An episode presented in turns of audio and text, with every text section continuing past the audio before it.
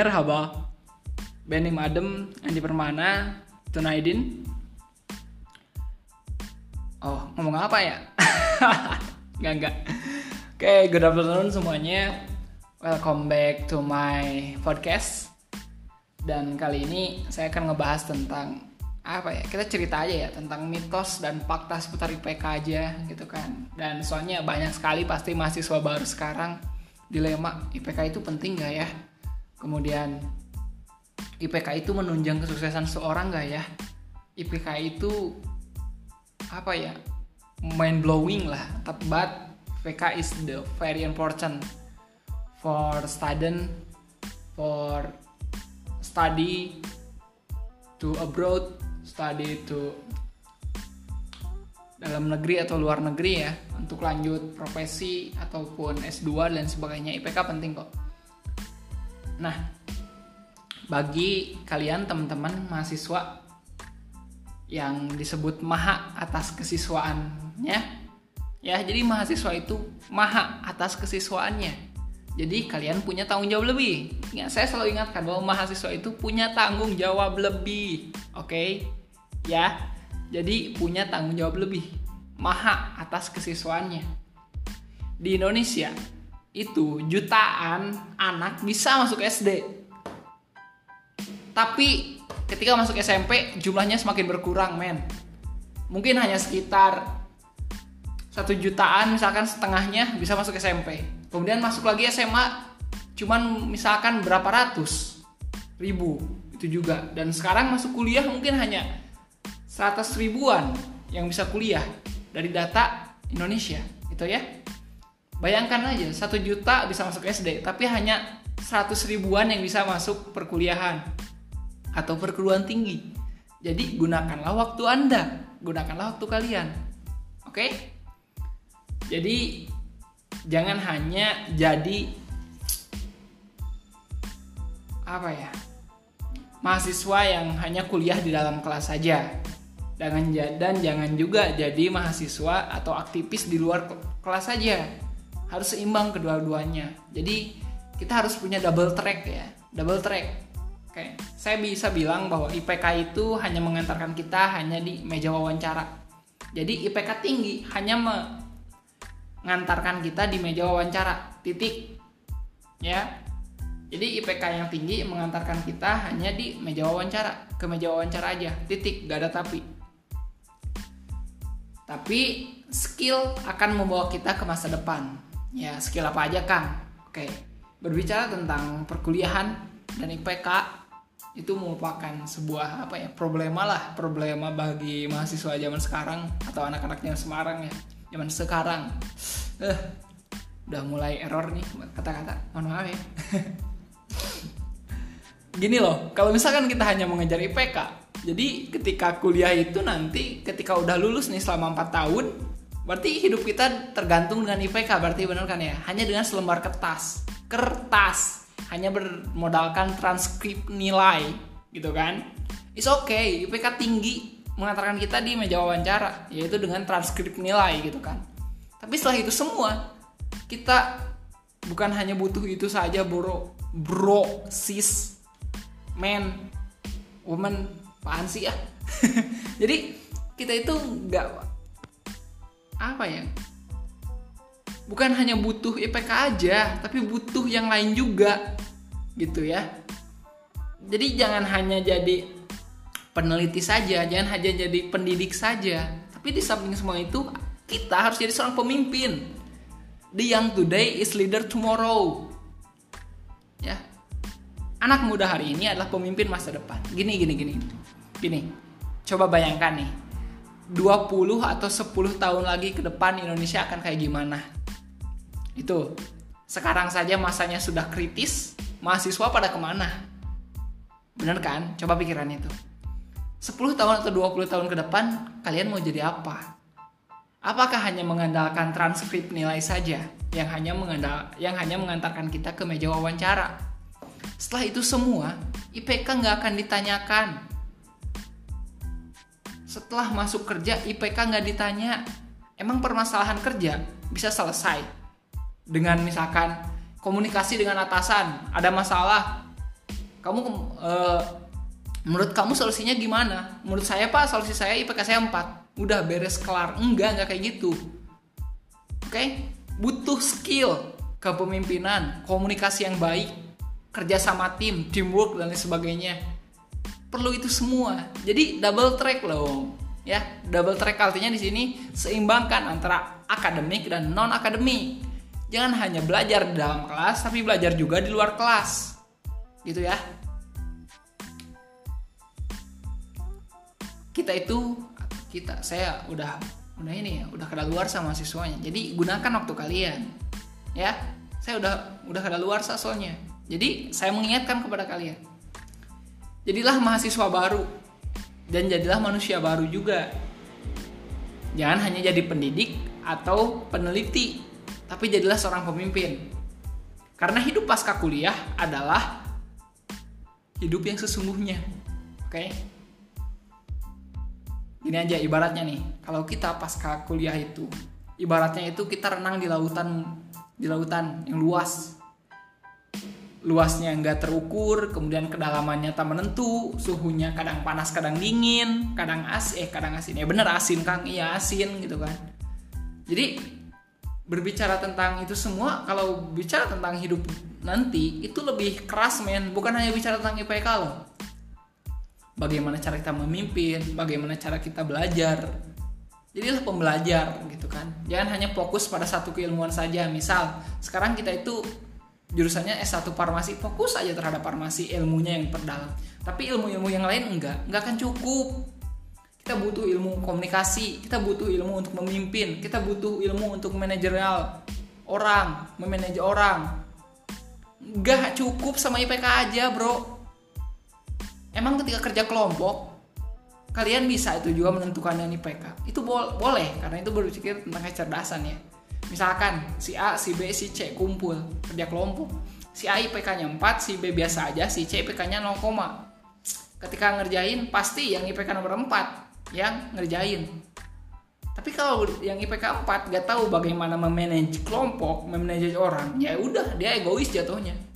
Ya pasti jatuh-jatuhnya sini gua aja yang kerjain, kalian mah terima hasil aja. Gak boleh gitu. Ini kerja kelompok, ini timur. Itu kan. Nih, jadi ketika berkuliah usahakan double track ya, seimbang antara akademik dan non akademik. Ini aja deh, kalau misalkan kalian penasaran sepenting apakah IPK atau misalkan seperti apa harusnya IPK itu, nih IPK itu mumpung kalian masih mahasiswa baru, coba search atau cari buat target ya. Syarat untuk lanjut S2 itu IPK-nya berapa? Syarat untuk lanjut profesi itu IPK-nya berapa? Nah itu, jadi catatan dan target untuk kalian. Kalau misalkan for your information, IPK itu sekarang untuk S2 itu sekelas 3,3 atau 3 bahkan kalau misalkan untuk S3 itu minimal 3,3 lebih lah sekitar 3,5 kalau nggak percaya silahkan kalian cari aja sendiri. Nah jadi kan itu target. Jadi jangan hanya pintar di dalam kelas saja tapi usahakan di luar kelas juga kita harus pintar dalam artian kita harus paham juga ilmu luar kelas atau non akademik kayak tadi berbicara di depan kemudian memimpin, seni memimpin, seni manajerial orang, seni memecahkan masalah, seni bodoh amat dan sebagainya itu perlu dilatih men, nggak ujuk-ujuk. Gitu kan? Kemudian setelah di dalam kelas dan di luar kelas kita seimbang, insya Allah IPK tadi memang mengantarkan kita ke meja wawancara untuk dipanggil. Setelah itu semua, skill yang kita dapat di luar kelas akan menentukan dan menjamin nanti pekerjaan kita, usaha kita, bisnis kita. Gitu kan? ya gini gini gini gini kemudian ini kenapa uh, di luar kelas itu penting karena ilmu di luar kelas itu banyak melatih kita tentang kepemimpinan tentang hubungan kolaborasi gitu kan ya kerjasama tim dan sebagainya itu penting gini gini gini gini. Saya itu selalu percaya bahwa your network is your network artinya uh, relasimu adalah nanti kekayaanmu. Relasimu adalah kekayaanmu. Your network is your net worth. Gini gini gini, gini. saya bayangkan ya analogi kan. Gini. Orang yang misalkan IPK-nya tinggi, IPK-nya 4, tapi relasinya, teman-temannya yang ada di luar itu sedikit, ya, relasinya ke orang-orang penting itu sedikit. Akan beda dengan orang yang IPK-nya biasa aja, tapi relasinya banyak. Gini, gini, gini. Orang yang kerja di tempat temannya atau kenalannya yang sudah bekerja di perusahaan tersebut akan lebih mudah diterima dari dibandingkan orang yang datang dengan sukarela dengan sukarela itu dalam artian datang hanya sendiri saja tanpa ada link dan sebagainya hanya datang me apakan apa mengapakan mengasihkan mapoan e, buah map lamaran kerja akan berbeda dengan orang yang ketika mengasihkan lamaran kerja dia punya channel di dalam. Karena pekerjaan itu akan lebih mudah ketika kita punya orang dalam yaitu makanya penting sekali relasi. Dan emang nyatanya kayak gitu. Ya? Nyatanya yang seperti itu. Memang hidup itu kejam ya dan terkadang semesta memang suka bercanda gitu. Dan bercandanya itu kadang serius gitu. Gak main-main jadi persiapkan dari sekarang ilmunya. Oke? Okay? jadi double track. Jadikan pembelajaran di luar kelas dan ilmu di dalam kelas juga. Ya jangan jadi jangan diartikan bahwa IPK juga gak penting. IPK penting. Dan pembelajaran di kuliah pun itu penting. Ya tapi di luar semua itu ada juga yang penting sama penting gitu. Kemampuan belajar kemampuan berkomunikasi kemampuan memimpin kemudian pemecahan masalah dan sebagainya. Jangan hanya jadi kupu-kupu karena kalian akan menjadi bagian dunia kalian akan menjadi bagian bangsa dan kalian akan menjadi agent perubahan agent of change gitu ya. Kalian itu anak muda gitu maha. Kalian tuh punya pemikiran, punya daya kritis dan sebagainya, tinggal dilatih dan diasah gitu. Kuasai ilmu yang baru ya, bukan jangan hanya belajar ilmu itu itu saja. Di dunia sekarang di dunia digital 4.0 ya, usahakan penggunaan komputer dan sebagainya kalian harus bisa. Entah itu PowerPoint, um, Microsoft lah ya Office kemudian Photoshop minimal bisa lah dikit-dikit Corel minimal bisa lah dikit-dikit entah itu Canva kan ada yang gratis yang lebih mudah pelajari dari sekarang dikit-dikit. Karena sekarang itu pasti semuanya tentang media sosial dan networking ya. Jadi pelajari ilmu-ilmu itu mumpung lagi lockdown ya. Jadi jangan tergantung juga dengan ilmu yang kita miliki saat ini. Jangan hanya merasa cukup dengan ilmu yang kita punya. Siapkan dengan baik kemudian oh iya pelajari juga bahasa internasional. Jangan hanya bahasa asing bahasa internasional itu yang akan mengantarkan kita ke gerbang dunia. Info-info tentang dunia kemudian info-info lintas negara lintas dan sebagainya pelajari itu. Bahasa internasional sekarang itu menurut um, apa? PBB itu ada tiga kalau nggak salah. Ada Inggris bahasa Arab satu lagi apa ya? Lupa nah. Ah pokoknya yang paling penting tuh bahasa Inggris dan bahasa Arab kalau sekarang yang paling sering nggak tahu sih kalau tahun depan kayak gimana. Eh, tahun selanjutnya seperti apa. Tapi yang paling, paling penting itu bahasa Inggris. Itu udah tiket kalian untuk belajar tentang dunia luar. Belajar tentang nanti apakah mau lanjut S2 lanjut S3 di luar negeri. Cita-citakan saja rencanakan dari sekarang ya. Saya selalu bilang bahwa jika kita berencana untuk gagal, eh, bukan salah. Jika kita gagal berencana, maka kita berencana untuk gagal. Gitu, jadilah pembelajar, ya. Jangan hanya jadi pelajar yang ada di kampus.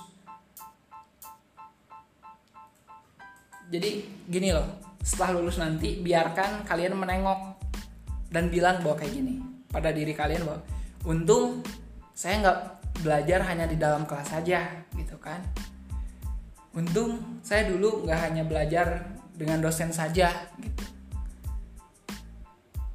jadi biarkan itu semua. Jadi nikmati saja empat tahun dari sekarang rencanakan dengan yang terbaik kemudian dan kalian akan menemukan simpul-simpul keberhasilan. Insya Allah apabila kita double track ya double track. Yap. Double track itu artinya akademik dan akademik libas semuanya bawa. Akademik tadi targetnya minimal untuk yang saat S2 dan apoteker dari sekarang targetkan Kemudian non akademiknya latih cara berbicara, cara memimpin, cara manajerial orang, cara memanusiakan manusia karena itu paling sulit men. Seorang direktur aja punya IPK 4 ketika dia tidak punya skill untuk manajerial orang, susah. Perusahaan nggak akan maju jamin. Seorang direktur yang hanya mengandalkan IPK-nya saja, ketika cara komunikasinya nggak baik, susah juga. Bagaimana mau sukses bareng-bareng, bagaimana mau mencapai suatu tujuan, gitu kan?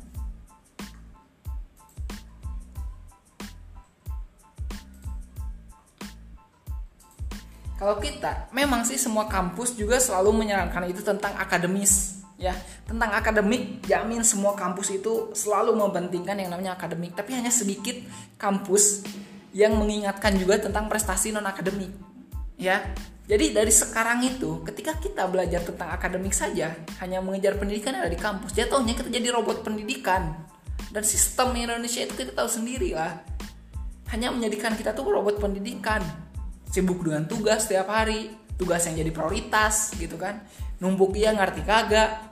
Tapi kalau misalnya kita double track di luar kelas ya di luar kuliahan entah itu banyak diskusi tentang soal permasalahan negara soal masyarakat soal keilmuan dan sebagainya is okay. Dan organisasi itu tak selamanya tentang rapat-rapat enggak. Organisasi juga sebagai wadah kumpulan kita untuk saling tukar pikiran bangun keluarga baru dan sebagainya. Jadi jangan pandang bahwa masuk organisasi itu kita nanti akan keteteran nilai no. Oke? Nih kasih tahu ini bukan saya sombong IPK saya juga 4 ya.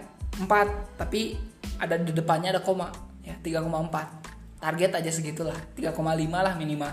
Lebih bagus cum juga IPK organisasi jalan IPK jalan. Gitu itu lebih bagus loh jadi ketika kalian wawancara IPK sudah kumlot, kemudian pengalaman non akademiknya dapat, udah siap bekerja di tim, kemudian bekerja sama dan sebagainya udah siap, itu lebih baik malahan. Oke? Jadi targetkan sekarang tuh double track buat tantangan untuk diri kalian sendiri. Ya. Lakukan non akademik dan kerjakan juga yang akademik. Oke, jangan menunggu waktu luangmu, luangkanlah waktumu.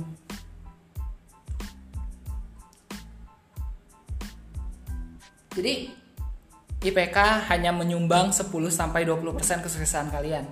Sisanya 80% sampai 90% ditentukan oleh skill kalian. Karena berbicara akademik, tadi hanya tiga menurut sih, tapi empat lah mungkin. Menghafal, menulis, menghitung.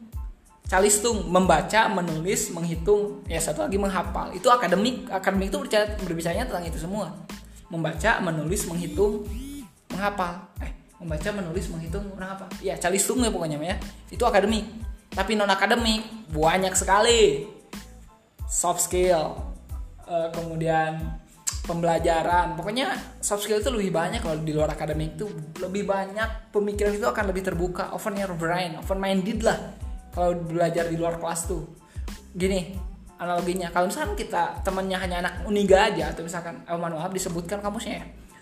Misalkan anak dari kampus tertentu ya pasti cakupannya kita hanya di kampus itu saja wawasannya tapi ketika kita punya teman-teman yang di luar kampus kita sendiri, misal kampus-kampus ternama yang ada di Jawa Barat dan sebagainya, kita akan menambah wawasan, relasi dan sebagainya. Bener kan? Oke. Okay. Iya, itu sih. Jadi yang paling penting kalian IPK juga harus baik, organisasi juga harus baik, ya. Double track. IPK penting, organisasi juga penting. Organisasi penting, IPK juga penting.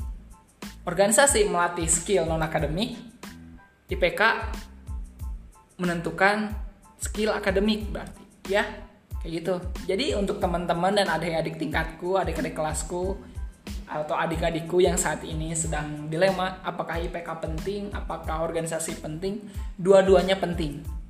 Ya. IPK mengantarkan kita ke meja wawancara, tapi organisasi mengantarkan kita setelah meja wawancara. Itu. Oke. Apa lagi ya? Ya udah sih mungkin itu aja. Kalau misalkan ada yang ditanyakan lebih lanjut tentang bagaimana tips dan trik kuliah dan sebagainya silahkan saya terbuka kok insya Allah. Selama kita bisa bertumbuh bersama kenapa tidak? Gitu kan ya? Hidup itu bersanding men bukan bertanding. Oke. Mungkin sih itu aja yang dapat saya sampaikan mohon maaf ya selebihnya kalau misalnya ada penyampaian yang kurang-kurang atau lebih menyakitkan dan menyindir atau menampar gitu lah ya. Semoga kalian sukses ya. Saya doakan yang terbaik untuk kalian saat ini kemudian nanti ke depan kita akan berjumpa kembali ya. Semoga kita dipertemukan kembali di tempat terbaik dan kondisi yang baik juga. Amin. Paling terakhir dari saya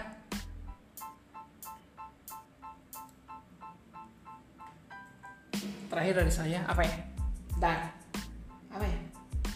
Ya, nanti kita akan bahas tentang kepemimpinan lah insya Allah ya. Kalau misalnya sekarang kita berbicara tadi tentang IPK dan bagaimana organisasi dan sebagainya. Dan kesimpulannya saya simpulkan bahwa IPK itu penting dan organisasi juga penting. Tadi udah dibahas pasan, ya nggak apa-apa. Biar lebih dalam ya kalian biar lebih paham. Jadi IPK itu penting, organisasi juga penting. IPK skill akademik, organisasi skill non akademik skill akademik berbicara tentang IPK yaitu nilai baca nulis ngitung menghafal ujian dan sebagainya nilai kan ya. Non akademik berbicara tentang kemampuan berbicara kemampuan untuk tahan terhadap tekanan ter kemampuan untuk adaptasi kemampuan untuk ego menahan ego maksudnya bukan ego menahan ego kemudian kemampuan untuk kreativitas fleksibel dan sebagainya. IPK mengantarkan kita ke meja wawancara tapi setelah itu organisasi yang menentukan kita setelah meja wawancara. Oke, paham ya? Mungkin itu aja. Karena semuanya itu perlu diseimbangkan ya, double track. Oke, tadi untuk IPK jadikan patokan syarat untuk S2, S3 di luar negeri atau di Indonesia berapa, IPK untuk ke jenjang profesi berapa, targetkan itu semua ya dan double track. Oke, mungkin itu ya.